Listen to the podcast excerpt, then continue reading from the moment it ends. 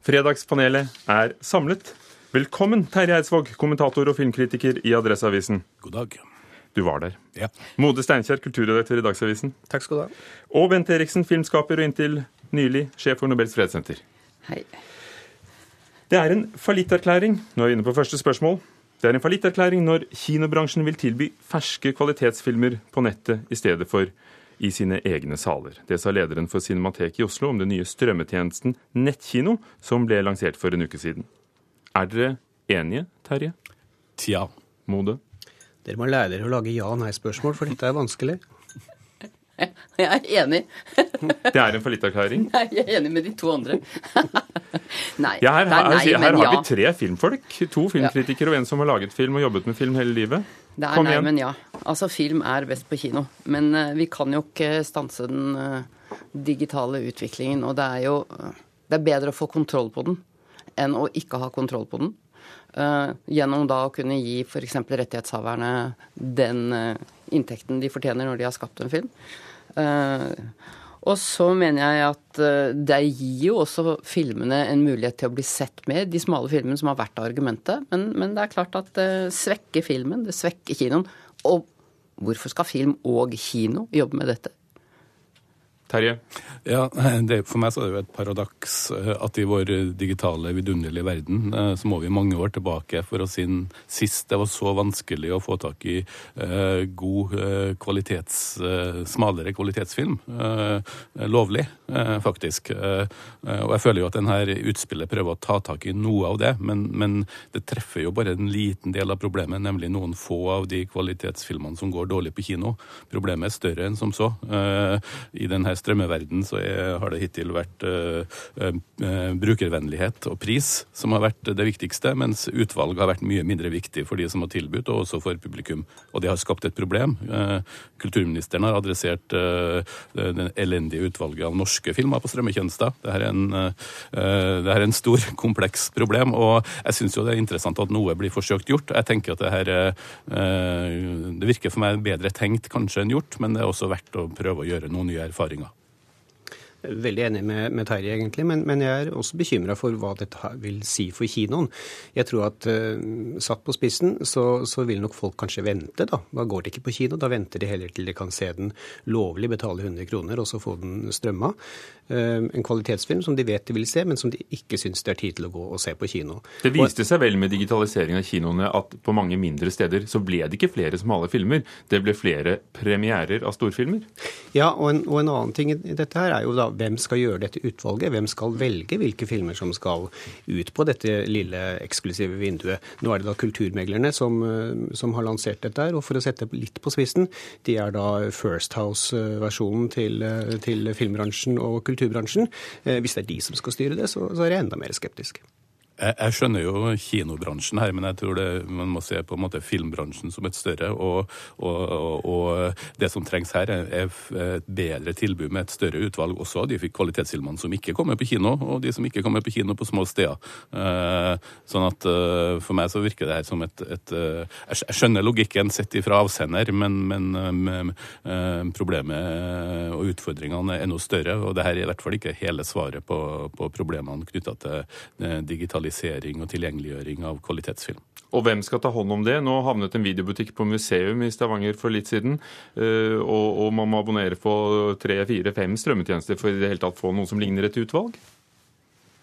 Ja, Det er jo det som er problemet, at, at uh, i, i, saken om Panama Papers så har jo mange medier samarbeida om å tilgjengeliggjøre uh, informasjon til publikum. Jeg skulle vel ønske at både kino- og filmbransjen og mange hadde satt seg sammen for å prøve å, å tilby et bedre tilbud med kvalitetsfilm uh, over hele spekteret, også for publikum når det gjelder den digitale utgaven, men kanskje i kontrast til kino etter kino, mer enn å, å prøve å konkurrere med kinoopplevelsen. Passende at du sa det med Panama-dokumentene. Norske aviser har nemlig fått mersmak av uh, lekkasjen fra det store advokatkontoret i Panama. Nå vil de grave frem nyheter sammen. Denne uken fortalte norske medieledere at de vil bruke denne oppskriften også i Norge. Vil økt samarbeid gjøre norske medier for like? Nei. Ja. Ja. Jeg er ikke så veldig redd for det. Eh, ser man på hvordan det står til den norske mediebransjen i dag, så tror jeg vi har store behov for å tenke eh, tettere samarbeid eller mer samarbeid. Eh, de små avisene eller mediene har ikke de store ressursene til å kunne dra dette alene, enten det er på lokalplan regionalplan eller, eller, eller, nasjonalt, for den saks skyld. Og jeg tror at det, det, å i større grad kunne tenke at de store, tunge gravesakene skal man kunne samarbeide om, det er bare sunt. Men samtidig så må man da ha eh, en, en, tanke for dette mangfoldet som faktisk norsk presse skal ha, og gjennom det ha ordninger som gjør at man ikke eh, får for mye likhet.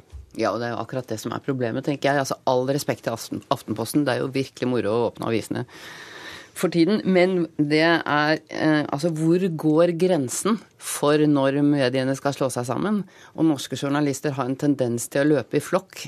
Det blir ikke mye gravende journalistikk av det da, tenker jeg. Altså, ja.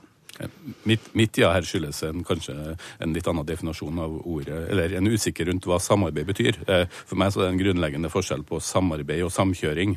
Det som i alle fall ikke trengs, er mer eh, samkjøring. Og i dag så er det allerede en så sterk eierkonsentrasjon i norske medier, hvor det pågår allerede et utstrakt samarbeid eh, mellom innenfor konsernene. Men, men å samarbeide på en åpen måte har jo mye for seg. Men det er også viktig at noen bedriver mediekritikk, kildekritikk, kritikk, og, og også stille spørsmål eh, ved de sakene som media bringer frem. Eh, og da tenker jeg at det er viktig også å beholde på en måte, å styrke på en måte forskjelligheten også.